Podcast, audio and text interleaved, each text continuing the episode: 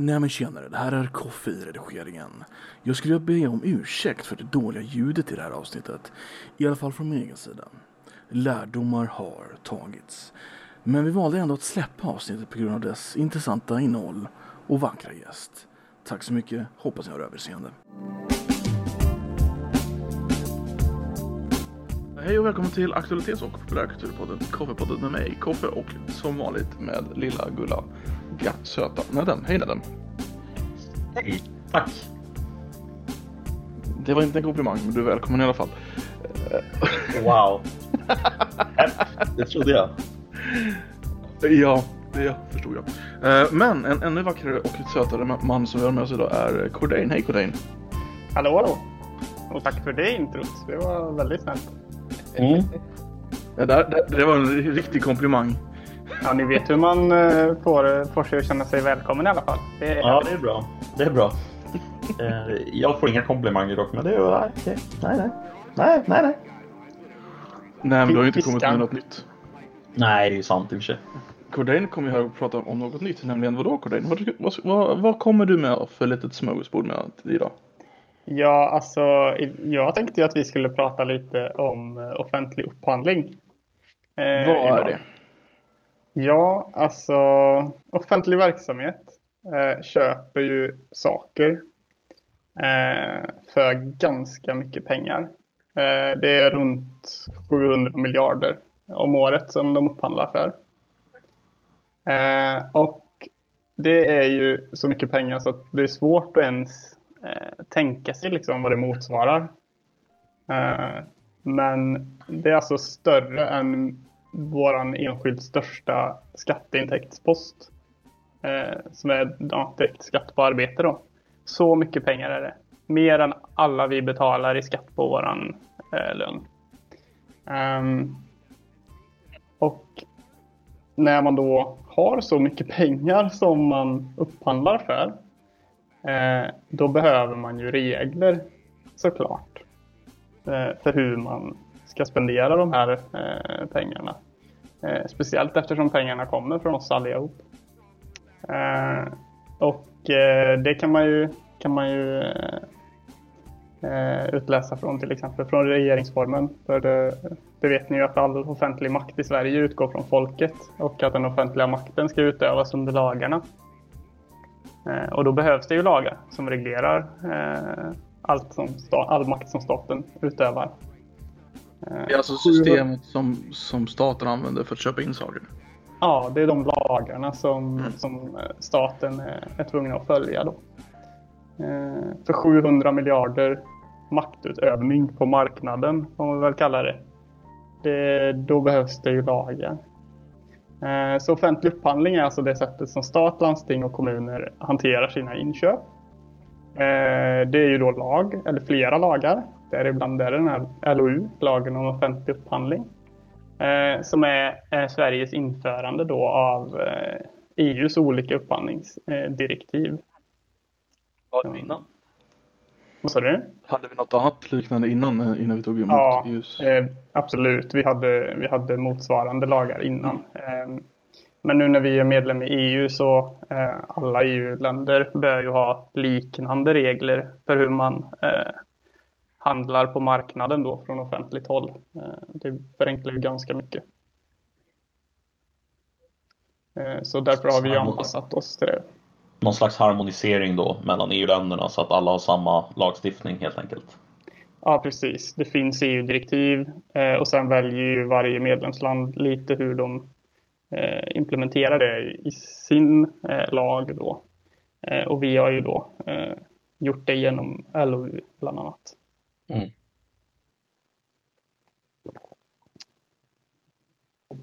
Så det tänkte jag skulle prata om eh, idag.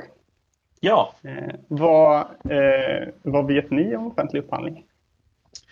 alltså min koppling till offentlig upphandling är ju egentligen den kopplingen jag har fått genom eh, mitt förra jobb. Eh, och då jobbade jag ju som, som säljare eh, av, eller teknisk säljare skulle man kunna säga, av eh, IT och telekom. Och eh, där var jag ju så att säga eh, inte upphandlare. Utan snarare tvärtom, jag satt på andra sidan och eh, försökte sälja produkter till både då kommuner och, inte landsting, men kommuner, mindre kommuner. Och kunder i allmänhet.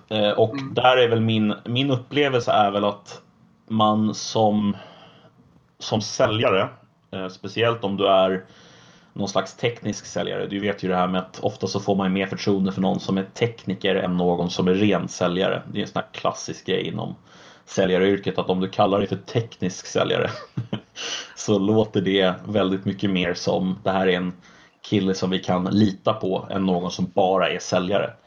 Det låter ju som att du vet vad du pratar om i alla fall. Ja, precis. Det är lite det som är eh, idén tror jag bakom den titeln.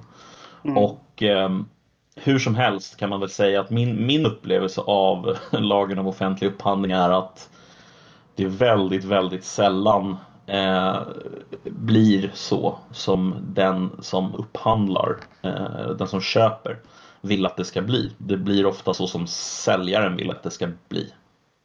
Mm. Det är min bild av det. Har du någon erfarenhet Koffe? Inte på insidan, bara att man hör utifrån och man antar att det är massa fuffens och båg. Ja, men alltså det, det, tror jag att eh, det är nog den allmänna uppfattningen om offentlig upphandling. Eh, mm. Tror jag, för alltså läser man eh, nyheterna och så, eh, trots att det är så mycket som upphandlas eh, ändå varje år, så är det ju, ja det är ju de man hör om är det ju de där det är misstänkt fuffens och så i, eh, i upphandlingen eller Eh, där det är någon leverantör som eh, har överprövat en upphandling eller så. Eh, vi kommer att prata några, lite om eh, några sådana eh, eh, tillfällen om en liten stund. Där. Um, hur en vanlig upphandling går till. Om vi bara tar ett, ett typexempel att någon, någon, kommun behöver uh, tio datorer eller whatever. Liksom, bara, bara, bara för att se hur, hur ska det gå till i optimalfallet. Absolut. Eh, nej, men det kan vi ta. Alltså, eh, innan jag börjar med det så vill jag bara säga att eh, det finns ju väldigt mycket detaljer i de här lagarna som, eh, som ska följas. Det är så mycket detaljer och eh, även praxis då, det vill säga sånt som har kommit fram eh, baserat på domstolsbeslut. Eh, så att i princip alla upphandlingar är ju ganska svåra baserat på det. Eh, man kan se till exempel en av, eh, en av mina gamla lärare i, i upphandling, eh, Jan-Erik Falk. Han skrev en bok om eh, lagen om offentlig upphandling. Han döpte den till Lag om offentlig upphandling, en kommentar. Den boken är 650 sidor lång. En kommentar. Ja, det är liksom mycket detaljer. Eh, så jag kommer förenkla jättemycket. Bara så att eh, ni är med på det. Eh, så om det är någon som är jätteinsatt i upphandling så ni får, ni får ursäkta att jag förenklar bort en del saker. Ehm, men övergripande för att man ska förstå hur man ska tänka i en upphandling så är det några principer man ska följa som hela EU eh, har då enats om. Eh, och det är ju då icke-diskrimineringsprincipen, att nationalitet inte ska vara en, eh, en faktor. Det innebär ju att till exempel man får inte ge lokala företag eh, fördel, till exempel i en upphandling då. Eh, och det får inte göra någonting om, om det är en fransk leverantör som lämnar eh, ett anbud eller så. Utan det, man ska behandla dem som, om, som vilken som helst. Sånt innan EU eller? Eller kom, den med, kom den med EU eller? Ja, det är med i EU. Mm. Det är för att vi har en, eh, en EU-marknad. Eh, vi har ju en gemensam marknad i EU som alla ska förhålla sig till. Känns, som, som privatperson så känns det inte jättedumt att ett, ett, en lokal kommun köper lokala grejer liksom. Nej, absolut inte. Nej, det förstår jag att man, alltså, hade jag varit en, en kommuninvånare så hade jag velat att min kommun skulle köpa bara från de lokala företagen. Ja, primärt i alla fall. Ja, absolut. Nej, men eh, om det går. Men eh, eh, det är ju en form av fördel då som man ger lokala företag och det, det är inte tillåtet då nu när vi har en gemensam europeisk marknad. Eh, det kan ju vara andra saker som gör att, ja, nu kommer vi in på detaljer här då, men det kan ju vara andra saker som gör att det är mer lämpligt att ha en leverans till exempel som är eh, från ett företag som är etablerat lokalt. Men det är många företag som kan etablera sig lokalt om det skulle behövas också. Om man till exempel upphandlar eh, eh, ja, taxi i kommunen till exempel. Det är lite svårt att köra den taxin från, från Frankrike. Eh, men sen har vi lite fler principer såklart. Eh, likabehandling. Eh, alla i upphandlingen ska ges samma information, samma regler, samma tidsfrister. Det är ju en, en, en av grundpelarna. För att annars kan man ju även där då ge fördel då, om, man, om inte alla får samma information. Eh, det finns även proportionalitetsprincipen. Att man får inte ställa hårdare krav på någonting än vad man faktiskt behöver och att de här kraven ska vara rimliga då i förhållande till det som ska upphandlas. Mm. Och det är ju oftast en, en bedömning som blir i, eh, i domstol då. Eh, om, om det stämmer. Ifrågasätter eller? Ja, det kan man ju såklart ifrågasätta eh, och det kan ju bli en, eh, en domstolsfråga kring det. Mm. Um, men eh, som princip så är den ju jättevettig. Liksom att, jag menar om vi, det är våra skattepengar som går till de här inköpen. Och då är det ju rimligt att man bara ställer krav som är rimliga i förhållande till det man ska upphandla och inte eh, att det ska, om man behöver bilar så då upphandlar man inga Lamborghinis liksom. Um, om man inte är Dubais eh, polisstyrka i och för sig. Ja just det, ja men då kanske man behöver det, vet jag, för att smälta in. Ja, mycket möjligt. Mm. kan man mycket väl vara behovsanpassat. Eh, en behovsprövad Lamborghini. Eh, Lamborghini. Ja. ja, det hade varit nice. eh, sen har vi öppenhetsprincipen eh, och det innebär då att eh, upphandlande myndigheter eh, ska agera öppet, inte favorisera, eh, inte lämna utrymme för godtycklighet eh, och ha tydliga krav och information om hur, hur en upphandling kommer gå till då för de som ska vara med. Eh, eller kan tänkas vara med. Och sen har vi då ömsesidigt erkännande, det vill säga att ja, om ett eh, intyg har eh, utfärdats av en annan EU-medlem, då ska det gälla även i Sverige eh, i så fall. Eh, det är också en, följd av den här EU-marknaden. Så de här principerna, om man är med, det är ganska rimliga principer om man tänker på att liksom vi ska agera som en del av EU vi ska ha eh, rätt anpassade krav eh, och det ska vara lika behandling rakt över. Liksom. Så det är liksom grunden då. Men sen kommer man då, precis som du säger där eh, Koffi, att ja, men hur, hur, hur går man då till, eller hur går det till då när du behöver någonting? Typ du behöver dina datorer till exempel. Eh, ja, då har du ju ett behov av ett antal eh, datorer. Så då börjar man ju planera för det. Eh, man kartlägger sitt behov. Eh, du kanske tittar på att du behöver, ja, men du behöver just tio datorer och de måste klara vissa prestanda. Eh, sen gör man oftast en marknadsanalys. Vad finns det på marknaden så att man inte går ut och kravställer någonting som, som inte finns. Det, det kan ju vara ganska onödigt. Det blir ganska mycket slöseri med tid då. Kommunen och landstinget eller whatever är det som gör det här? Vad sa du? Vem på kommun eller landsting eller vilken instans det nu är, är det som faktiskt får sitta ner och göra det här? Det finns en specialenhet på varje landsting för upphandling. Eller hur, hur, hur går det till där? Det ser ut, det ser ut lite olika. Eh, ofta så gör man ju någon form av förstudie där man gör de här delarna. Eh, och då är det en grupp oftast som man sätter ihop som ska ansvara för den här upphandlingen rakt igenom då. Eh, och då har man helt enkelt en upphandlingsprojektgrupp. Som gör det oftast. Med, vad sa du? Men det är en ny grupp för varje upphandling alltså? Ja, precis. Beroende på vad det är man ska upphandla. Så att man får med de kompetenserna som man behöver för att köpa någonting specifikt. Ska man köpa datorer så är det rimligt att ha med representanter från IT-avdelningen till exempel. Om man har en sån.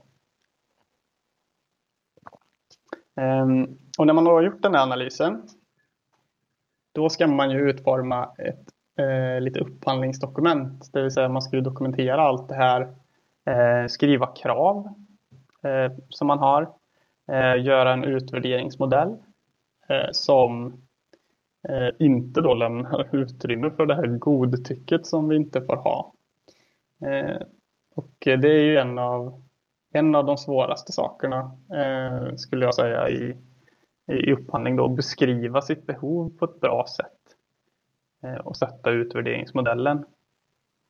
Eh, det är ofta där som det kan vara det kan bli svårt eh, när man väl skickar ut det sen till marknaden och, och få en, eh, och verkligen få det man vill ha. Precis som Nedm sa innan att det ibland så är det ju en tolkningsfråga kanske då vad det innebär de här kraven som man har ställt.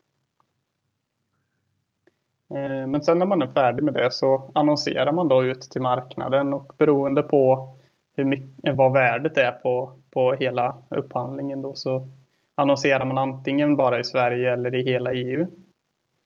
Ehm, och eh, sen har man då en, en, en tid som leverantörer, alla leverantörer har möjlighet att hämta hem underlaget, eh, läsa på och välja om de ska eh, lämna anbud eller vara med i upphandlingen. Då. Och har man då ett enstegsförfarande som vi kan utgå från här då, så får man in anbud då, eh, i slutet på, på annons annonseringstiden. Eh, och så får man öppna då eh, och titta vad, vad det finns för möjligheter då att teckna avtal på.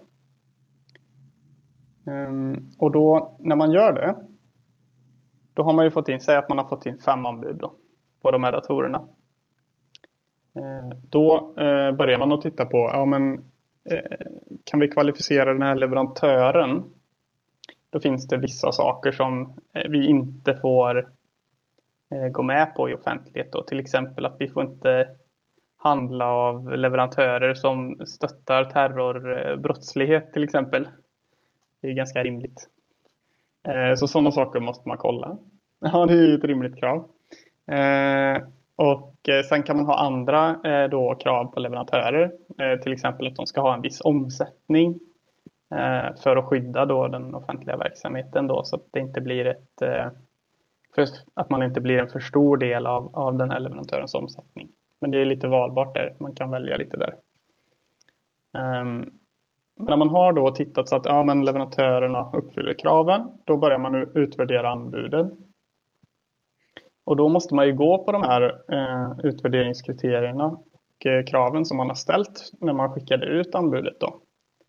Eh, för det ska ju inte vara rum för godtycke då, som jag sa innan. Eh, och sen baserat då på hur, vad man har kommunicerat innan, vad man har fått in, så sammanställer man då det Eh, och eh, sen publicerar då eh, vem som har vunnit upphandlingen och på vilka grunder. Då. Måste man ju då hänvisa till det man har publicerat innan. Eh, sen kommer det då en period av en överprövningsperiod då man har en avtalsspärr så man får inte teckna avtal direkt efter att man annonserat vem som vunnit. Eh, och det är ju för att leverantörer som tar del av det här eh, beslutet ska kunna överpröva det eftersom det är ju ett form av myndighetsbeslut det här då. Eh, och det, här hör vi ju ibland i media då om leverantörer som har överprövat och ibland blir det så att eh, upphandlingen måste göras om på grund av att det har varit någonting eh, som inte har varit kanske tillräckligt tydligt i underlaget eller någonting som har tolkats eh, på ett sätt som lämnar utrymme för godtycke till exempel. Ehm, men så länge som ingenting sånt händer så kan man därefter då teckna avtal eh, med leverantören. Det här kan ta väldigt lång tid va? Ja, absolut. Ehm, den, eh, när det går precis som det ska allting och man vet precis vad man ska upphandla så kan det ju gå på tre månader kanske. Med, med, med mycket tur och eh, snabbt jobb. Men, det är som best case scenario, tre ja, månader. Absolut, absolut. Um, men oftast så tar det ju ett halvår ehm, och jag har själv varit med om upphandlingar som har tagit ett och ett halvt år från att man har kommit på att man ska upphandla någonting då till så att man har ett kontrakt på plats. Och det beror ju helt på vad det är. Är det någonting komplext man ska upphandla? Är det någonting vi eh, har köpt innan? Då är det ju oftast lättare. Eh, eller är det något nytt då? Så man måste göra en väldigt stor analys innan man börjar skicka ut upphandlingsdokument. Min, jag måste fråga en fråga här och det är min mm. bild av eh, upphandlingsmaterialet som ofta skrivs inför eh, upphandlingar. Det är mm. att även om man lyckas då plocka in folk med relevanta kompetenser, säg att man mm. lyckas plocka in till exempel killarna från IT för att de ska vara med liksom och handla upp datorer så är det ändå så, eh, i min erfarenhet i alla fall, att eh, kravspecen stämmer sällan överens med eh, vad det är man faktiskt eh, behöver. Det vill säga man underskattar eller överskattar lätt sina egna behov eh, av olika typer av tjänster och produkter. Mm. Är det här ett problem du känner igen eller är det liksom? Absolut. Eh, det är ju Alltså, jag har jobbat eh, som upphandlare i fem år eh, mestadels då mot, mot IT-området. Och alltså jag, jag har ansvarat för alltså, mycket saker inom där. Alltså allt från konsulter och hårdvara till stora systeminföranden i flera hundra miljoners klassen. Liksom. Och det är ett problem som ständigt dyker upp. Eh, vad är det vi faktiskt behöver? Eh, hur kravställer vi precis det vi behöver och inte mer eller mindre? För att vi vill ju få en, en affär som är så anpassad till våra behov som möjligt. Men det är någonting av det svåraste som finns eh, och faktiskt beskriva exakt vad det är man behöver.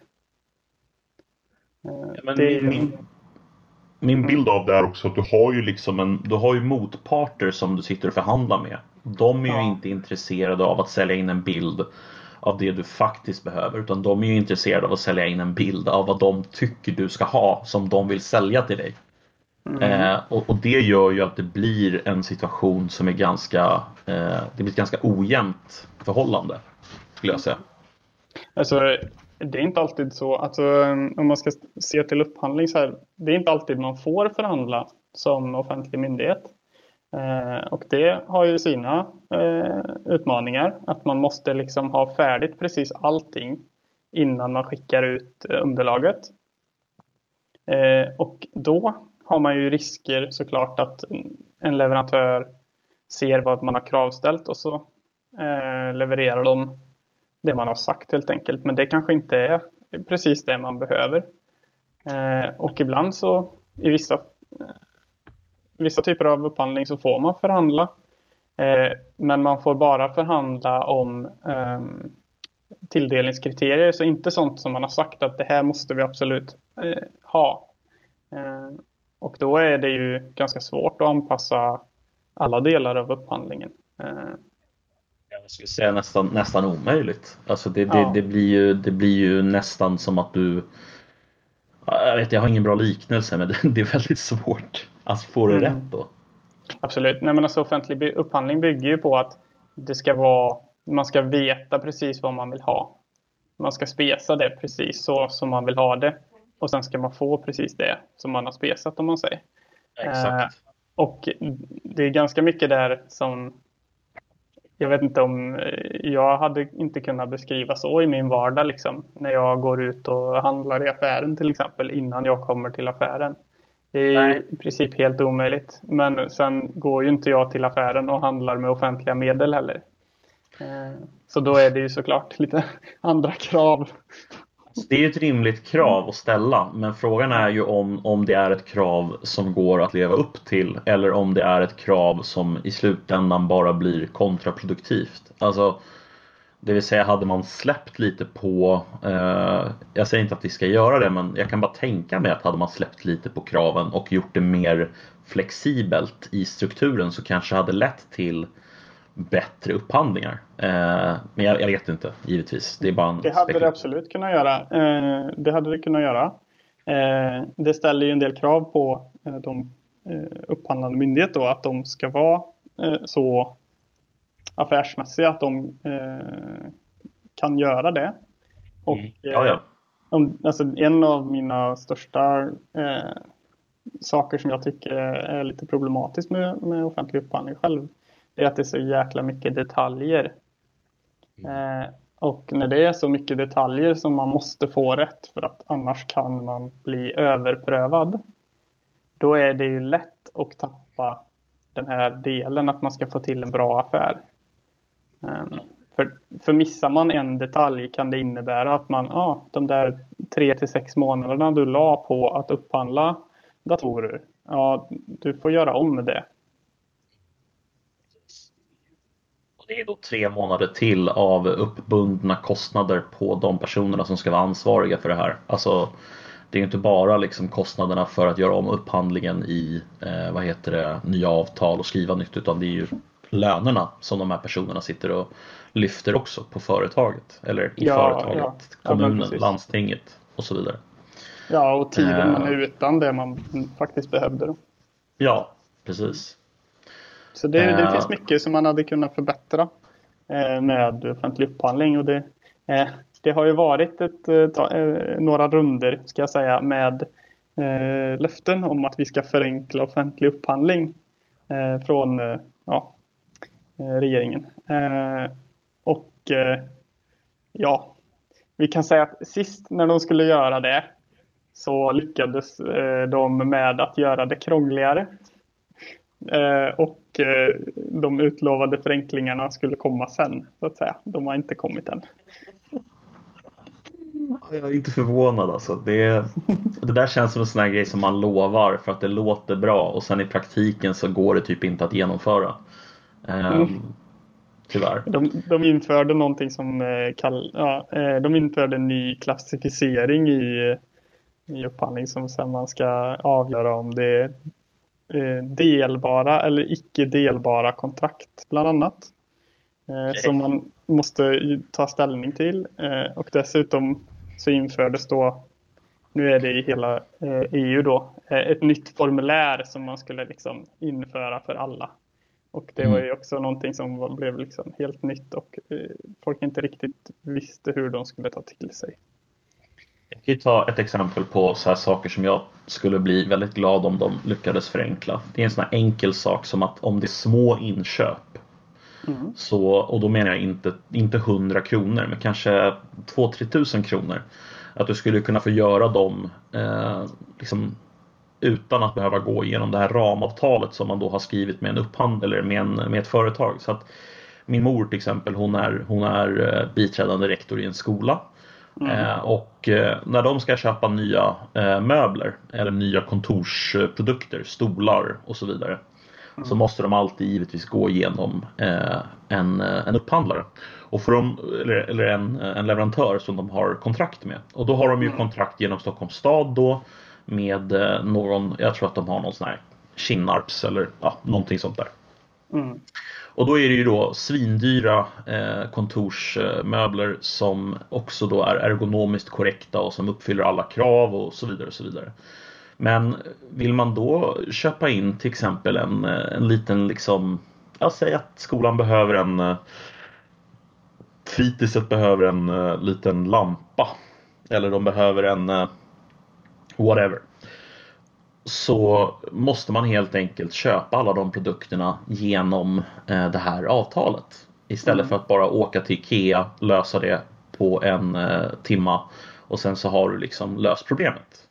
Eh, det är också en sån här fascinerande grej tycker jag i hur det slår ute i offentlig eh, sektor. Liksom. Att de, ett problem som de egentligen skulle kunna lösa på Eh, Eh, en timma blir istället någonting som tar tre veckor för att det ska liksom gå via alla de här olika instanserna. Eh, på gott och ont givetvis för att du får ju en spårbarhet men ja, jag vet inte. Det, det känns som att det systemet är lite knäppt alltså. Alltså jag köper eh, invändningarna mot det här eh, måste jag säga. Och det här är ju en vanlig invändning på många myndigheter och offentliga bolag och, och så. Att, eh, varför måste vi eh, köpa på de här ramavtalen till exempel? Eh, alltså om man bortser då från att ja, är ramavtalen väl ingångna så ja, pacta sunt servanda, liksom, avtal ska hållas. Det är ju grunden på för i princip alla avtal. Eh, men om man tittar då på varför har man upphandlat de här ramavtalen? Eh, istället då, för det är ju egentligen det man skulle då kanske ha tittat på. Jo, då är det ju alltså, okej okay, på den skolan kanske man har behov av, av ett bord eller en soffa. Eh, men tittar man på liksom, eh, alla skolor på myndigheten i stort så kanske man vet att man har behov av 300 soffor på ett år. Och eh, Eh, upphandlingslagarna är så att eh, just nu tror jag direktupphandlingsbeloppet är 615 000 ungefär. Um, så har man ett behov under ett år som är mindre än 615 000 så behöver man inte gå igenom hela den här stora upphandlingsprocessen. Men, men har man då ett behov av liknande varor eh, som överstiger det, ja då är man tvungen att upphandla det i konkurrens då. Och då kommer ju de här problematiken som vi lyfte lite innan där, att alltså man måste veta precis vad man vill ha innan. Eh, man måste kravställa det på ett bra sätt. Eh, och när man då har gjort det, då trillar det ju ut en leverantör, en ramavtalsleverantör där som man tecknar avtal med. Och då är det ju liksom beroende på vad man har ställt för krav i upphandlingen så kan det ju bli då kanske att man har en leverantör som överlevererar eller underlevererar. Um, och då, jag förstår den här invändningen men jag har svårt att se samtidigt hur man ska komma runt det, den problematiken utan, förutom att göra ett bättre jobb eh, när man förbereder för upphandlingen. Ja, jag, jag hör vad du säger. Jag köper det. det. är, det. är inte helt lätt att komma runt den problematiken för att skulle det vara så att du låter alla eh, göra som de vill då kommer mm. du helt enkelt sluta med en större summa pengar som har använts eh, för att köpa upp de här sakerna. Om vi leker med tanken då att, det är, att avtalen som redan finns där är vettiga avtal. Vilket jag såklart då vågar ifrågasätta och det är väl kanske mm. dit vi ska komma snart. Men alltså om man eh. tänker sig till exempel att eh, om vi ponerar då att man inte hade upphandlat det här ramavtalet. Eh, det kan man ju göra då. Eh, och låter alla skolor i det här fallet då köpa sina möbler själva. Mm. Eh, då finns det då eftersom det finns lagar på det här området som reglerar att man ska upphandla. Eh, då finns det möjlighet för leverantörer att anmäla då den här myndigheten till Konkurrensverket och säga att ja, men titta här, de köper årligen för så här många, eh, så här mycket pengar och de har inte upphandlat det här i konkurrens utan de köper hej vilt då. Eh, och då kan den myndigheten åka på straffavgifter eh, för att man inte har följt lagen. Då. Hur stora de straffavgifterna är? 10 procent av kontraktsvärdet. Upp till 10 procent av kontraktsvärdet. Okej, okay, ja det är saftigt. Det är riktigt saftigt. Ja. Och så var frågan om 615 000, kunde de andra ha flytt för dem eller vad var det med dem du sa? Jaha, eh, ja, har man ett behov som eh, är under direktupphandlingsgränsen och den ändras lite då och då, varannat år ungefär. Eh, så kan man eh, direktupphandla det och då eh, behöver man eh, inte då gå igenom hela den här tre månaders processen utan då räcker det att man gör någon form av eh, Alltså man har någon form av konkurrensutsättning som ändå följer de här eh, principerna. Eh, och det kan ju vara till exempel då att man har tittat på eh, några olika leverantörer och det var de här tre fick möjligheten att komma in med anbud. Och så valde vi då en av dem baserat på några rimliga kriterier. Det brukar vara lägsta pris då kanske. Ehm, så då är det en mycket kortare process. För låga summor? Mm, okay. precis. Och är det under 100 000 till exempel eh, då finns det egentligen inte några, några större krav på, eh, på hur köpet ska gå till. Alltså man ska ju inte såklart slösa med skattepengar. Eh, men det är i princip inte värt att, att lägga ner jättemycket tid på någonting under, under 100 000. Då. Kan inte Annes morsan köpa en soffa då för mindre än 100 000? Till den där ja, fast det är ju då... Ja, alltså det är ju då gemen, det gemensamma beloppet för hela verksamheten då som man ska titta på. Eh, och, Stockholms kommun. Ja, men precis. Om alla ligger under samma myndighet så blir det ju snabbt pengar. Men om man har till exempel som i Göteborg, där har vi jättemånga kommunala bolag. Eh, och ett sådant kommunalt bolag är ju i sig en eh, eh upphandlar ju bara för sig själv om man säger. Eh, och de skulle ju ha, kunna ha många sådana situationer där de bara behöver någonting för eh, en soffa liksom. Och de har inte några större behov, de köper bara en soffa om året. De skulle kunna åka till Ikea eller motsvarande till exempel. Typ att uh, fredagsfika är centralupphandlat då för det finns, finns ju behov av typ varje enhet i stan. Ja, det finns eh, många som har upphandlat eh, både lunch och fika. Det är så? Ja, absolut. Ja, det är lite lätt absurt men okej. Ja, men det, det, blir ju så när det blir pengar i det. Liksom, eh, mm. Behöver man eh, leverans av eh, bakverk liksom, i en stor organisation, ja det kanske kommer upp i upphandlingspliktiga belopp.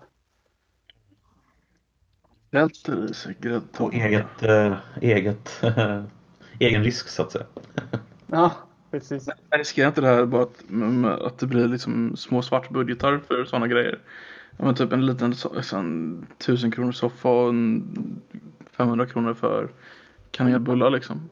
Jo, det är precis så det blir i praktiken. Eh, mm. Det vet jag ju av erfarenhet därför att jag vet helt enkelt att det går till på det sättet ibland när man behöver någonting snabbt och man behöver lösa mm. ett problem. Då är det liksom problemet som behöver lösas och det kan ju då vara alltså det är ju situationsspecifikt så när jag säger ett bord så är inte det liksom en rimlig förklaring kanske. Men, men ja, ibland så är det vissa problem som behöver lösas nu och då är det liksom överstiger då att lösa det nu överstiger att lösa det tre veckor senare.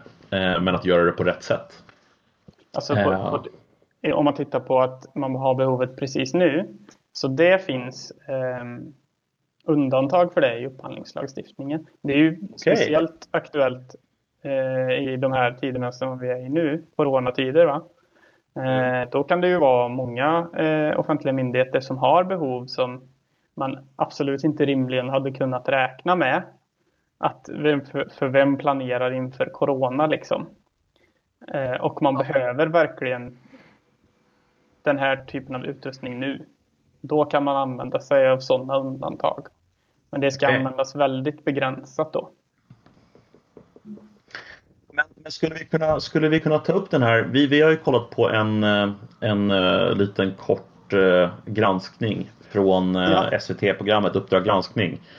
Absolut. Som helt enkelt handlar om en sån här upphandling som man minst sagt skulle, skulle kunna säga då har gått lite fel. Ja, det kan man säga. Utan att överdriva kanske skulle man kunna säga att den har gått lite fel.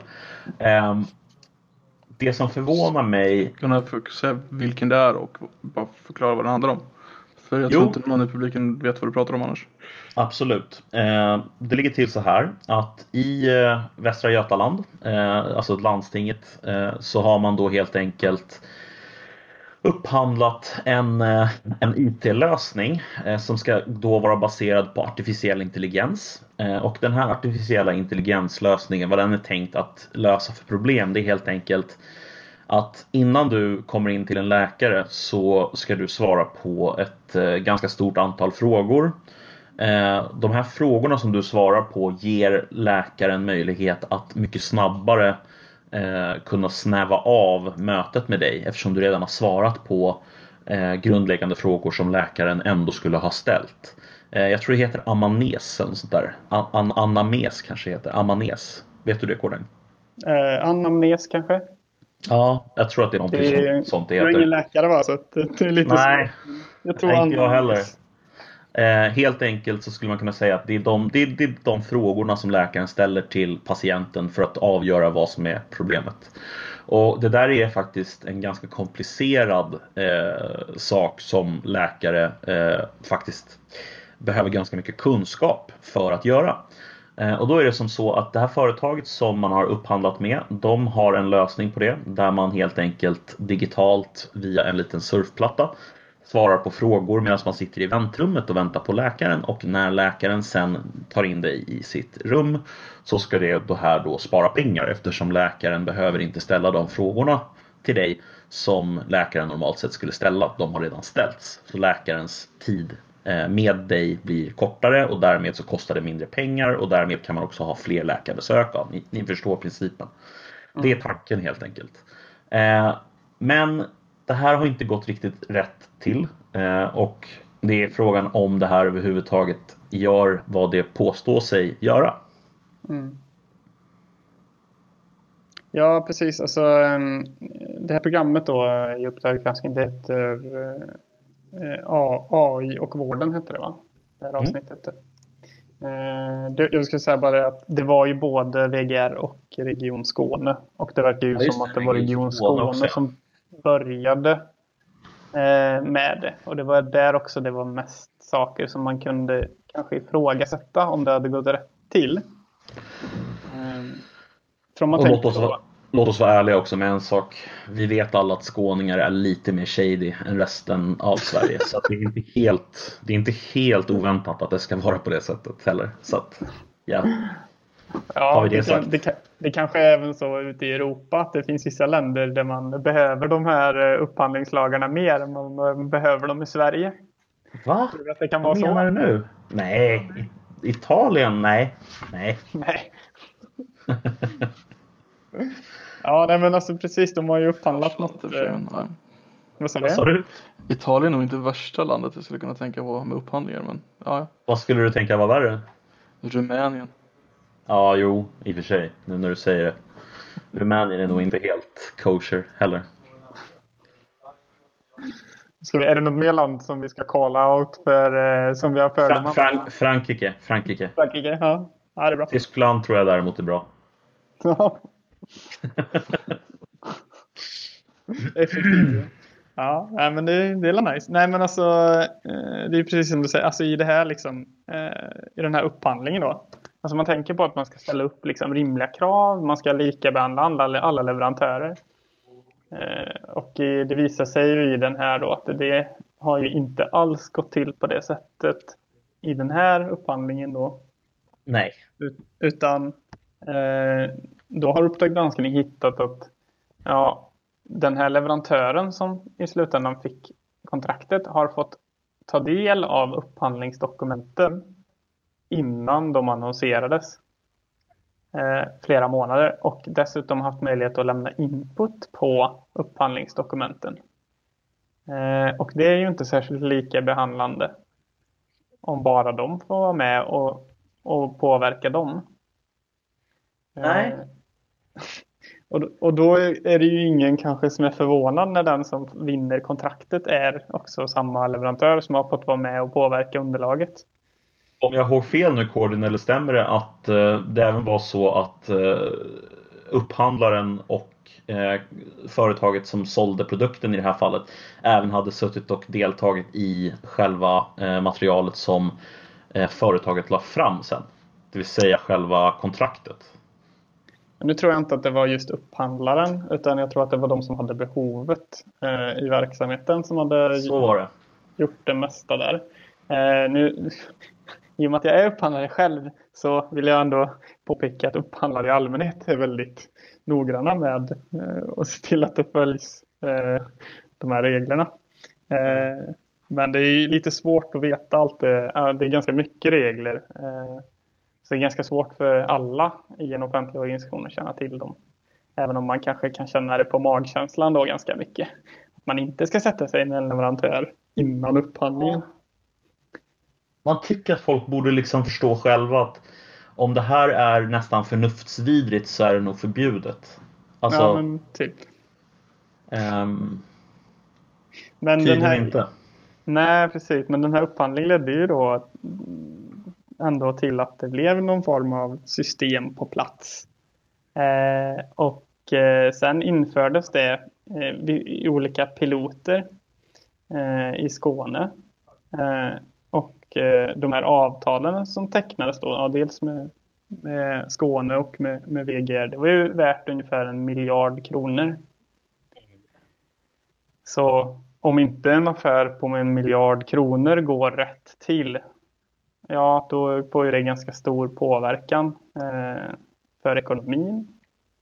Eh, och om man inte får det som man trodde att man skulle få, ja då får det ju också stor påverkan på ekonomin för de här regionerna. Då.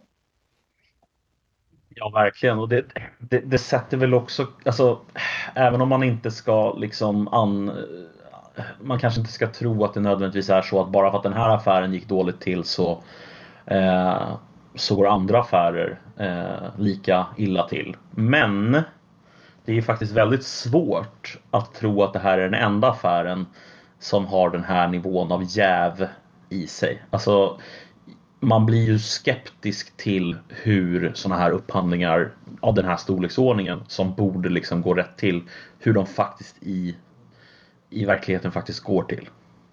Mm.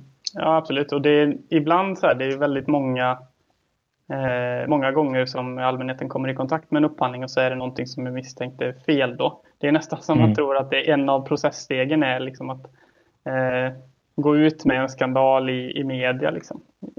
Som en del av, av upphandlingen. Ja, men det är ju det... väldigt många upphandlingar på varje år. Så att, eh, om en, alltså, så är det kanske fyra, fem upphandlingar som det kommer ut eh, något sånt här allvarligt. Eh, allvarliga misstankar ska jag säga, för det är ingen som är eh, dömd för något Men, ehm. är, det, är det ett isberg dock? Det är väl det som är att majoriteten ja, av de här är ju helt enkelt under ytan och syns inte. Men det är lika mycket fel där som sker. Ja, det är jättesvårt för mig att uttala mig om. Eh, jag vet att de upphandlingar som jag var del av har det varit väldigt eh, eh, jag tycker själv att de har varit väl genomförda. Mm. Får man väl säga. Men man får ju inte tycka om sin egen prestation på det sättet kanske. Nej, men det är väl, det är väl ja, jag vet inte. Det, det är svårt för mig som inte har jobbat på den sidan av det, eh, utan som någonstans har suttit på, alltså när man hela tiden vill sälja mer så är det ja. väldigt lätt att hitta anledningar till att sälja mer och lyckas du få, alltså så här, vi, vi hade en, en sak som vi ofta pratade om, det var identifiera vem som egentligen bestämmer. Mm. Och det var ju, hela syftet med det var ju så här, ifall du säljer en telefonilösning till exempel. Vem är det som i slutändan bestämmer vilken telefonilösning det är? Är det VDn? Ja, kanske. Ibland är det det. Men ibland är det ju liksom Ulla som sitter och tar emot samtalen som bestämmer. Mm. För det är hon som ska sitta och använda det här systemet sen. Så, får, så lyckas du sälja in eh, lösningen till Ulla så har du liksom så kommer hon driva den processen sen internt för att hon, hon vill ha det där systemet. Mm. Eh, och alltså det är ju så det funkar också. Eh, att man får människor som egentligen är på insidan av processen att jobba för dig. Och det har man ju sett i den här affären att alltså den här killen då som, som ligger bakom hela eh, projektet, vad är han heter? Eh, jag kommer inte ihåg vad han heter bara för det, men han är ju läkare själv. Han har bara jobbat någon månad som läkare, eller hur? Eh, han från Vårdinnovation. Eh, ja, Damon precis. Toyar heter han va? Damon Toyar. Han har ju liksom, verkar det som, mer eller mindre lyckats få människorna som är på insidan att eh, köpa hans koncept till 100% mm. med hull och hår och de har börjat propagera för varför hans lösning är så fantastisk. Eh, och det är så han har vunnit de här upphandlingarna. Mm. Eh, från början liksom. Så det är ju de sociala, mänskliga aspekten av av det här som han har vunnit så mycket på. Jag menar du sa det också, han pratar på, du sa det när vi pratade om det här en annan gång, att han pratar på ett sätt med sina kunder och sina intervjuare från Uppdrag granskning så, så som en läkare pratar med patienten, alltså bedside manner. Mm. Eh, väldigt så här mjukt och eh, väldigt eh, trevligt och snällt när han pratar och han ger ett väldigt sympatiskt intryck. Alltså, allt det här känns ju som att det är eh, medvetet liksom, från hans sida. Ja, alltså är det, är det någon man får förtroende för så är det väl en läkare som, som pratar med mjuk röst och eh, hjälper en igenom någonting. Ja. Eh, så det tror jag inte är bara, det är nog en del av, av hans, hans persona om man är läkare liksom. Eh, och göra på det sättet för att få förtroende då. Tror jag säkert. Det finns ju en annan person som eh, har gjort det i eh, den här eh, eh, blodtesterna som var i, i USA. Där de skulle göra blodtester med väldigt små mängder blod. På ett automatiserat sätt. Som blev en stor skandal. Det var ju hon som, eh, vad heter hon, Elisabeth Holmes. Som ansvarade för det. Terranos, ja just det. Eh, hon hade ju ett väldigt speciellt sätt att prata på. Där hon pratade väldigt, väldigt djup så här. Och eh, det ingav då väldigt mycket förtroende för hennes bolag och så, men hela det bolaget var ju i princip bluff. Så det kan helt klart vara någonting som påverkar också om man gör så. Eh, det är ju de delarna som man försöker med upphandlingslagstiftning få bort. Liksom, genom att säkra sig. Men hur ska processen gå till? Vad ska vi göra? Det ska vara, eh, det ska vara liksom ett neutralt eh, underlag på det sättet. Liksom. Ingen ska få någon fördel. Men ibland då uppenbarligen så, så får eh, en del leverantörer fördel. Det kan ju inte riktigt räcka att även om du, även om du har de här starka eh, reglerna eh, så verkar det ju ändå i slutändan bli så att säga eh, ja, jäv helt enkelt. Det, det, det är svårt att undvika i ett system med människor helt enkelt. Var det liksom AI-robotar som kommunicerade med varandra och skötte de här upphandlingarna då kanske det skulle se annorlunda ut. Men eh, dit kommer vi nog inte. Nej, vi är ju alla subjektiva människor va. Det, det är svårt ja, att, att vara objektiv som en robot. Va? Det är så det. Men det är därför jag undrar ibland om det liksom inte vore rimligare att ha eh, att, att lagstiftningen var mer anpassad efter våran subjektivitet. Alltså det vill säga att den var lite, lite mer flexibel eh, så att det gick att ändå göra affärer trots att man kanske råkar vara bekanta. Men det är inte, eh, alltså jag vet inte hur en sån lagstiftning skulle se ut givetvis men bara tänker mig att det, det, det, kan inte vara omöjligt att göra en lagstiftning som tar höjd för, för det på ett vettigt sätt. Men det, det, det kanske är det. Det kanske är helt omöjligt. Vad tror du, Koffe? Är det omöjligt? Flummig fråga. Uh, är det omöjligt att göra en lagstiftning som är rättssäker men att folk ändå inte... Alltså att, de är, att den är flexibel, tänker jag. Det beror på hur rättssäker du vill Alltså... Du får ju antingen tumma på det ena eller tumma på det andra. Nu har vi ganska... Det är det jag ifrågasätter. Är det så svart eller vitt? Ja, det får man nästan säga. Alltså det är Folk fuskar ju redan. det är nog ganska svårt att göra det på något annat sätt. Det är i alla fall vad jag har för bild just nu. Om det ska vara liksom öppet och folk ska kunna Alltså, ja. Nej, jag har svårt att se det. Tyvärr. Ja, du kanske har rätt. Det, det är mycket möjligt att det är så. Uh, vi hade ju ett till exempel, Cordin, uh, som vi skulle kunna ta. Uh, och det, det, är det här som alla känner till tror jag. Och det var när landstinget köpte strumpor för 6000 kronor per par. Ja, just det. Det är väldigt, väldigt känt, känt, känt fall, får man väl säga. Jag vet inte om ni, vad, vad betalar ni för era strumpor? Ja, jag skulle vilja säga att jag betalar nog max 2-3 tusen kronor per par. Ja, just det. Så jag tycker det är lite dyrt alltså. Ja, lite väl dyrt. Ja, men det, blir, alltså det är också en, en problematik med upphandling. att eh, alltså, När man väl har gjort sitt underlag och skickat ut det så är det ju marknaden som läser underlaget. Och det är de som ofta, det är ju smarta människor som eh, läser det underlaget såklart. Eh, och hittar sätt att tjäna pengar på en modell som man kanske har satt upp. Då. Och köper man varor så köper man ofta i någon form av varukorg som man ska ut, utvärdera. Eh, och eh, det är inte lätt att veta exakt om man till exempel ska köpa kontorsmaterial. Det är inte lätt att veta exakt vad man behöver för pennor och papper och suddigum och allt liksom.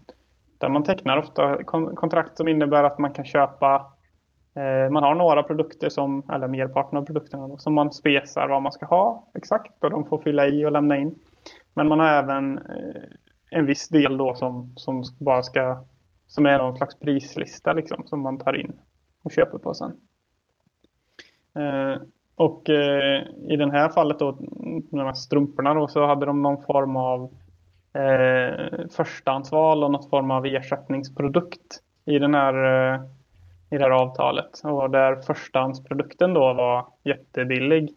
Men de här ersättningsprodukterna var extremt dyra då, vissa av dem. Däribland de här stödstrumporna då för, för 6 000. Och det blev ju så illa att eh, Eh, att de var ju tvungna att köpa ut leverantören ur avtalet för att det blev så dyrt för dem i slutändan. Men, men jag förstår inte riktigt hur, hur kan det gå till på det sättet? Ja, alltså, när du skickar ut upphandlingen eh, så har du en utvärderingsmodell och du säger att ja, lämna, lämna in priser på de här fem produkterna till exempel då och de ska vara spesade på det här sättet och de ska uppfylla de här kraven. Mm. Eh, och då gör leverantörerna det. Och så har man kanske en viss volym då på varje produkt vad man räknar med att man ska köpa. Och det kan vara till exempel, nu vet jag inte exakt om det är så här det har varit i det här fallet då, men det kan vara att man har till exempel eh, missbedömt antalet produkter man kommer köpa. Man inte utvärderat tillräckligt stor volym på en produkt och då eh, tror leverantören att ja, men vi kommer kunna sälja mer av den här produkten än vad de kommer utvärdera. Så då kan vi prissätta den här högre. Eh, eftersom det kommer inte straffa oss i en utvärdering. Och sen kan de vinna kontraktet ändå och få leverera då fler av den här produkten till en bättre marginal. Eller så kanske det är vissa delar i anbudet som man helt enkelt inte kommer utvärdera på ett, på ett sätt som Eh, gör att man fångar då alla de här eh, enskilda produkterna kanske som de är jättedyra. Liksom. Men alla de delar man har sagt att man ska utvärdera, i de delarna så är ett anbud det mest fördelaktiga. Och då är man också tvungen att teckna avtal på det. Om man inte vill avbryta hela upphandlingen då. Men jag, men jag förstår inte, så att, så att, en produkt som är en ersättningsprodukt, mm. bara för att den inte är spesad i själva upphandlingen, så kan du alltså vinna upphandlingen och sen säga så här, ja men tyvärr volymen på ni har, ni har överstigit volymen på eh, första produkten och nu får ni ersättningsprodukten istället och den kostar 6000 kronor. Ja, det skulle kunna vara så. Eh, säga att ja, nej, tyvärr har vi inte den här produkten längre, men ni kan få den här ersättningsprodukten eller någonting. Men det är ju helt bisarrt för att du skulle ju då lika gärna kunna, alltså, rent krast så skulle du då kunna säga så här att nej tyvärr, vi har inga vi har inga eh, insert billig dator till 3490 kronor. Ni får köpa Apple Macbooks för 15 990 istället. Mm. Det är samma princip men, men orimligt eftersom det så uppenbart är så att det finns andra datorer. Här måste det ha funnits andra stödstrumpor som inte kostade 600 kronor paret. Liksom. Det... Ja, absolut. Det tror jag säkert att det gjorde. Men i slutändan, nu är jag ju inte, jag har inte läst eh, upphandlingsunderlaget för, för den här upphandlingen. Men i slutändan blev det ju ändå så, eh, så att, eh, att de levererade produkter till ett extremt överpris. Ja. Eh, och uppenbarligen så kan man då utforma underlag på ett sånt sätt så att det kan gå igenom. Liksom. Alltså det är ju... Ja, det är bisarrt. Då, då, då går det alltså att skriva avtalet på ett sånt sätt så att du vinner hela upphandlingen men du ändå är i slutändan en leverantör som levererar till helt hiskeliga priser. Så du skulle egentligen inte ha vunnit kontraktet om alla förstod vad det skulle leda till. Det skulle kunna vara så, absolut. Är det så du tror att det har gått till i det här fallet? Att de medvetet har velat sälja de här eh, 6000 kronor per par strumporna och att man helt enkelt manövrerar på ett sånt sätt i upphandlingsunderlaget då så att det ska bli så här? Alltså och en leverantör eller en, ett, ett, bolag har ju som alltid som mål att tjäna mer pengar. Så jag tror att de har eh, svarat på underlaget på ett sätt som gör att de kommer tjäna maximalt mycket pengar. Mm. Det tror jag att alla bolag gör. Faktiskt. Jo, jo. Absolut, det tror jag i och för sig också. Men då bör det ju finnas någonting i själva upphandlingsunderlaget som gör att det där inte är möjligt. Det vill säga Precis. eh, då är ju egentligen felet någonstans på myndighetens sida att man inte har tagit höjd för att det här kan hända. Absolut. Vet om, man, vet om man gjorde några förändringar i systemen efter det här? Eller om det påverkade någonting? Eh, nej, jag misstänker att de har gjort en del, hel del ändringar eh, nästa gång de upphandlade eh, det här. Eh, men de, eh, jag tror att de gick mer åt att börja eh, titta på att de ska göra det själva. Har jag för mig. Ja. Och då får man ju inte riktigt de problemen. Ja, jag... Det, det är Det svårt här är ju tycker jag. Ja, alltså det är svårt och det här är ju en del av det eh, arbetet man gör innan man publicerar en upphandling. Man tänker på så här, okej, vad är det vi vill köpa? Så vi kan ta de här tio datorerna till exempel. Ja, vi vill Mm. köpa de här tio datorerna. Um, okej, ehm, vi kommer kravställa dem att det ska vara en viss eh, hastighet på dem eller de ska klara en viss eh, användning. Det ska vara en viss garanti på dem och så vidare. Och så kanske man kravställer då att ja, vad händer då om inte leverantören levererar de här datorerna? Ja, då kanske det är någon form av vite på det till exempel. Mm. Eh, och sen kanske man har då behov av tillbehör till datorerna också. Ja, då kanske man bör utvärdera kostnaderna för tillbehören också. Som en del av utvärderingen i upphandlingen. Och gör man inte det, men man ändå avser att köpa eh, tillbehören på samma kontrakt, ja, då har man ju de här riskerna då att det är en leverantör som kommer in med en billig dator till exempel då, men väldigt dyra tillbehör och tar igen pengarna där. Så det här är ju en eh, utmaning som finns i varje offentlig upphandling om man säger. Ja, nej, jag, man, man blir ju man blir mörkrädd alltså för hur, hur upphandlingar kan gå till när det uppenbart är möjligt att eh, som vinnande företag även ha en ersättningsprodukt som råkar gå för 6000 kronor per par. Alltså det är ju skrämmande med våra statliga pengar. Liksom. Eller statliga, i det här fallet så var det väl landstingets pengar. Men whatever, alltså det är statliga pengar, skatter. Ja, alltså det finns ju väldigt mycket att, eh, att eh, vinna på att eh, offentliga medel spenderas på ett klokt sätt. Ja. Med tanke på hur mycket vi upphandlar för varje år. Alltså 700 miljarder är ändå det är mycket pengar liksom. 700 miljarder menskonst i Stockholms tunnelbana. Kan vi läsa det? Det tror jag, det tror jag vi behöver. 700 miljarder kronor, det är ändå 12 stycken nya Karolinska. Ja, det är, och det är en rätt dyr uppgift. Eh, Eller dyr... Så vad var det som hände med Nya Karolinska? Är det relaterat till eh, där? Eh, Ja, alltså Nya Karolinska, bygget av Nya Karolinska är ju också eh, upphandlat. Det är också en offentlig upphandling. Det här är ju en av världens tio dyraste byggnader just nu. Och det är inte för att den är så jävla stor. Vi säger så. Nej, nej. Ehm, alltså, Nya Karolinska, eh, där är det ju en, en rapport som håller på att tas fram i fem delar. Jag vet inte om de är färdiga riktigt, men som tittar på hur kunde det här gå till? Så jag tror att den frågan är väldigt komplex. Hur, hur kunde det gå på det här sättet? Eh, men vi kan ju konstatera att eh, de hade ju eh, väldigt mycket konsultstöd eh, i början av processen som rekommenderade en särskild typ av eh, hantering av den här affären som eh, heter eh, offentligt privat samarbete, OPS tror jag heter. Eh, och det är någonting som vi inte är så vana av i, i, i, eh, i Sverige utan det, ja, det är i princip då att, eh, det? vad säger du? Och vad innebär det då? OPS? Ja, det innebär att eh, till exempel att man, man upphandlar eh, att eh, en leverantör ska bygga någonting och sen driva det under en viss tid till en, en viss peng då.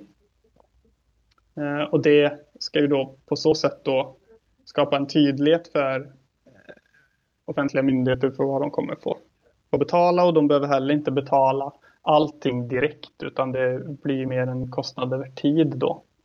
Eh, för det här. Man kan göra det med till exempel infrastrukturprojekt som broar och vägar och så. Och även sjukhus då, uppenbarligen. Ehm, men det här är inte någonting som vi är jättevana i Sverige att upphandla på det sättet. Eh, så och har man då någonting som man inte är jättevan att upphandla och det är ett jättestort projekt på ett sätt som man inte då är van uh, att hantera det på, ja då är det ju jättestora risker kopplat till det. Ehm, för om man då ska eh, göra något helt nytt jämfört med någonting man har gjort innan. Då, vem vet vad, vad det kan landa på då liksom. Var det den här Boston, Boston Consulting Group eller? Eh, mm, jag tror det var PVC som var inne och men jag är lite osäker. Jag ska inte kasta PVC under, eh, under, under the bus så att säga. De gör mycket bra också. Eh, men jag, jag för mig att det var de som eh, rekommenderade den här OPS-varianten i upphandlingen. Okej, det verkar som att de har säkert varit med också, men BCG har varit med i alla fall och gjort de har sedan 2011 fakturerat sjukhuset 257 miljoner. 80 procent av beloppet saknar avtalsenliga fakturaspecifikationer på sjukhuset. Oh. ja. Ja. Det kan man ju, kan man ju ifrågasätta. Eh, ja, eh, det kan man ju eh, lugnt säga. De totala kostnaderna för att bygga, utrusta och underhålla NKS fram till 2040 beräknas ligga på ungefär då 61 miljarder kronor, vilket är dyrare än vad man först beräknat. Nej, är det dyrare? Ja, oh, herregud alltså. Mm. Den där utredningen skulle varit klar den 1 maj 2019. Jag antar att den inte är riktigt klar ännu då. Ja, jag har i alla fall inte läst den, så, men det, det är möjligt att den är färdig. Eh, jag har läst mm. några delar av den. Ehm,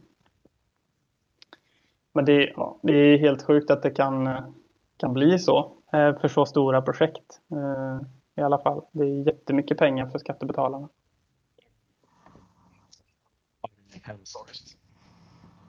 Det är speciellt också i en, en verksamhet, eh, vården då, som är så allvarlig. Den är ju ganska pressad eh, ekonomiskt. Eh, och eh, eh, speciellt nu i, i coronatider så är det ju, det är ju väldigt pressad. och då är det ju väldigt tråkigt när det är sådana här kostnader som en del av intäkterna i den verksamheten, eller skatterna som går till den verksamheten, läggs på då. Som hade behövts så att säga. Ja, det hade ju behövts lite sjukvårdspersonal just nu kanske för de pengarna liksom. Ja, man... Eh, mm. Man blir ju, man, man, känner ju en viss liksom frustration eh, över att det överhuvudtaget kan gå till på det här sättet. Eh, samtidigt så, alltså jag tror ju inte att det är så enkelt som att man kan skylla liksom på jag menar, vi har ju haft den här diskussionen många gånger tidigare, inte vi tre, men som personer med andra människor, att det liksom handlar, ja det, det, det är New Public Managements fel. Eh, bara tjoff rakt av. Jag tror att det är mer komplicerat än så. Alltså det är därför jag säger det här med att jag tror inte att det är svart eller vitt. Jag tror att det handlar om att lagstödet som man behöver när man ska skapa sådana här nya upphandlingar och processer är antingen för komplicerat eller så är det för inte, alltså det är undermåligt i den bemärkelsen att det liksom inte räcker till för att stävja eh, den här typen av eh, eh beteende.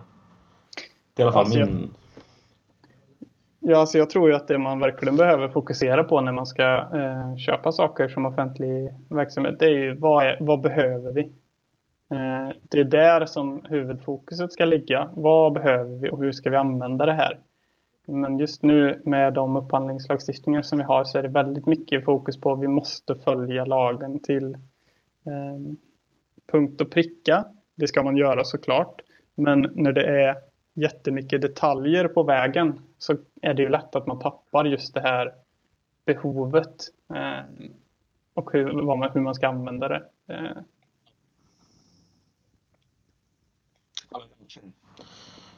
Och det är väl då det delvis som har hänt i alla de här eh, affärerna som vi har tagit upp att behovet är ju egentligen då om vi tar den andra affären där behovet är stödstrumpor. Eh, men ersättningsprodukten råkar kosta 6000 kronor. Mm. Eh, ja, alltså att det överhuvudtaget kan bli så är ju problematiskt. Men, men, men hur det blev så är ju, är ju det intressanta. Mm. Eh, och det, jag har fortfarande svårt att förstå att det kan bli så överhuvudtaget. Men ja, det, det är tragiskt. Väldigt, väldigt tragiskt är det. Vad negativt det, det blev nu. Men alltså, jag tycker inte vi ska vara eh, så, eh, vad heter det, ledsna för det här. För det är väldigt mycket upphandlingar som går väldigt bra också. Nu har vi sett, alltså nu, det vi har pratat om nu är ju de värsta fallen om man säger. Som har varit på senare tid. Uh, och det är vi, offentlig verksamhet gör ju väldigt många, många bra upphandlingar också såklart. Men de hamnar ju inte i media. Jag tror vi gör runt, jag tror det är nästan, ja vad är det, 2000 upphandlingar om året eller något sånt där tror jag. Om jag inte minns fel. Eh, offentlig, eller upphandlingsmyndigheten brukar komma ut med lite, lite statistik eh, varje år över sånt. Eh, nej, så 2000, eh, 20 000 nästan. eh, menar jag. Eh, och eh, alltså, nu har vi pratat om liksom tre stycken här. Eh, tre av, av 20 000, det är ganska lite. Jo, jo, det är det ju. Men sen är det ju den här frågan som vi har pratat om innan om huruvida det är ett isberg eh, där vi bara ser tre stycken men det råkar vara så att det är säg 30% av alla upphandlingar som innehåller den här typen av fel egentligen. Alltså nu, nu jag bara slänger ut en siffra, jag tror inte att det är så högt men eh, det är ju inte tre av upphandlingar i alla fall. Utan Nej. det är många, många, många fler gissar, gissar jag på i alla fall. Eh, eller det, det är bara en känsla. Så att jag har ingenting på fötterna för det. Men jag skulle bli förvånad om det var inte var väldigt många fler upphandlingar som eh, innehåller väldigt stora brister. Eh, eller vad tror du Koffe?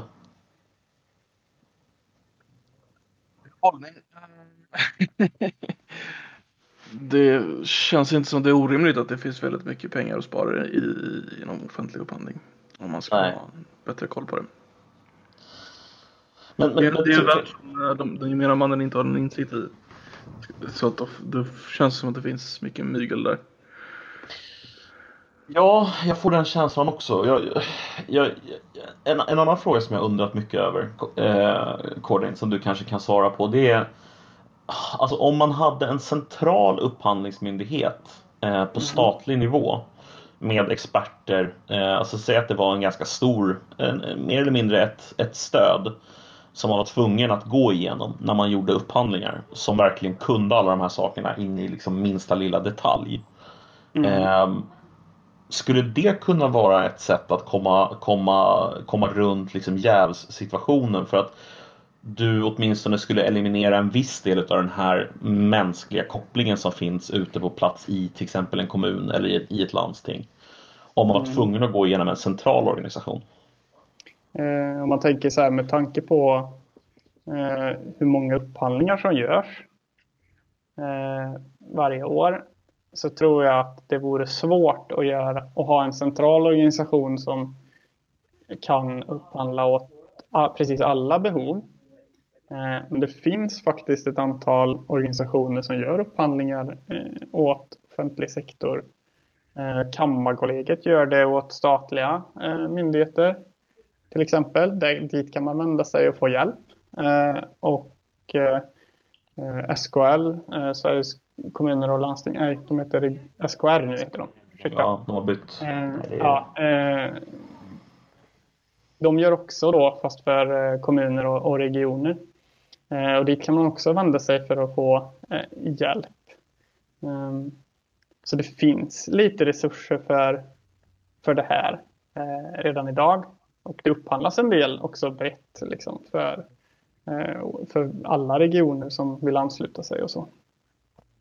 Eh, men jag tror absolut att, eh, att jobba mer mot till exempel Upphandlingsmyndigheten som hjälper till och utbildar om, om upphandling som offentlig myndighet, det tror jag absolut att man ska, ska ta nytta av. Men jag är lite tveksam till att etablera en central organisation som ska sköta all upphandling åt all, alla offentliga verksamheter däremot. Jo, det köper jag. Eh, en annan sak som jag funderat på är det här med att många ibland köper, nu heter det ju regioner, men alltså till exempel telefoni, telekomlösningar eller IT-lösningar. Att man köper ja. det på kommunnivå. När egentligen du skulle ha mycket större förhandlingskraft om du gick ihop på en större nivå och köpte sådana lösningar. Eh, mm. Speciellt eftersom behoven bör rimligen se ganska lika ut. Eh, gör de inte det så beror ju det på att någon har missförstått sina behov, tror jag, snarare än att de faktiskt har väldigt, väldigt annorlunda behov eh, från en annan kommun. Mm.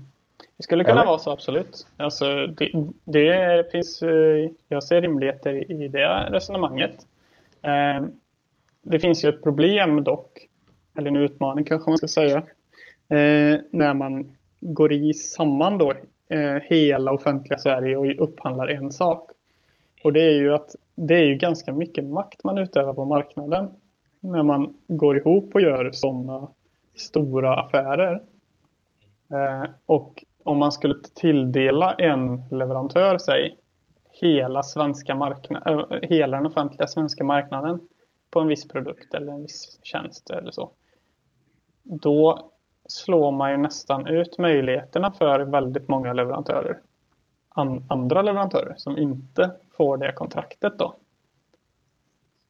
Så det, det blir ganska stor marknadspåverkan om man skulle göra på det sättet. Och det, vi, och det vi vill ha eh, är ju en fri marknad med konkurrens så att vi kan få möjligheten till, till de bästa priserna och de bästa lösningarna för eh, offentlig eh, sektor. Och nästa gång då man ska gå ut och upphandla eh, den här telefontjänsten då, då kanske det bara finns en leverantör kvar. På grund av det. Precis. Så kan det ju vara och då kan du inte göra så mycket. Um, men, Nej, men i, och för sig, i för sig, alltså jag tänker så här att i och för sig så är vi ju på en europeisk marknad. Eh, och vi skulle ju då kunna komma till slutsatsen att ja men det kanske inte finns mer än utrymme för en eller två, kanske tre telefonileverantörer i Sverige, alltså på den nivån. Eh, men att i hela EU så kommer det finnas eh, utrymme. Alltså att det skulle konsolideras. Visst, det skulle bli färre av de här små spelarna, men är verkligen de här små spelarna jag kan ibland känna så här att det är lite som med naturliga monopol om du kollar på till exempel att köra tåg. Mm. Eh, det finns inte så många företag som kan jobba med liksom att köra tåg. Alltså mm. in, insteget på den marknaden är väldigt högt. Och det är mm. samma sak egentligen med telekom för du behöver infrastrukturen. Det finns ju virtuella operatörer och det är ju på grund av lagstiftningen så som den är skriven i Sverige att du kan ha virtuella operatörer. Men de agerar ju inom någon annat företags eh, telekomnät. Mm. Eh, och det blir ju liksom, ja det är en annan grej. Eh, skulle jag säga. Eh, jag vet inte, jag, jag bara skickar ut massa idéer. idiotiska idéer antagligen för att jag, jag har ingen direkt koll på det här. Men jag, man, man blir bara frustrerad när man tänker på det. Att det liksom inte ja. går att lösa på ett vettigt sätt. Nej, absolut. Alltså, man, alltså, det är lätt att... Man vill, ju, man vill ju gärna att allting ska gå smidigt och att det ska eh, bli det bästa resultatet av allting. Eh, och eh, det finns ju tyvärr väldigt få enkla svar som inom så många områden där det finns få enkla svar. Utan eh, det enklaste svaret på det mesta är ju helt enkelt att göra en bättre hemläxa nästa gång man upphandlar någonting oftast. Som med allt annat så säger man så här, it's complicated. det, det, det, är, det finns inga enkla svar. Det är den slutgiltiga liksom, sanningen som alltid står kvar. Det finns inga enkla svar. Det är svårt. Shit's complicated. Har vi något mer vi skulle vilja säga om det här innan vi eh, avrundar? Nej, och det var roligt att få vara med och jag hoppas att inte jag har lämnat er med eh, en eh, alltför eh, negativ syn på offentlig upphandling. Det är faktiskt väldigt roligt att jobba med och viktigt att det, att det fungerar bra. Nej, jag tror inte att du har lämnat oss med någon extremt negativ syn, men däremot kanske en, en insikt, för min egen del i alla fall, om att det är mer komplext än man kanske förstår när man ser problematiken som uppstår och man läser om de här nyheterna om 6000 kronor för stödstrumpor så tänker man att hur fan kan det, hur fan kan det ens hända? Men du har förklarat på ett bra sätt varför det kan hända och hur det kan gå till på det sättet. Ja, tack för att ni har lyssnat på det här avsnittet med Cordain, våran eminenta upphandlare eh, från eh, Västsverige. Och eh, som alltid så har ni lyssnat på mig, Nedden, och Koffe Pottamus, den store. Tack för oss. Hej!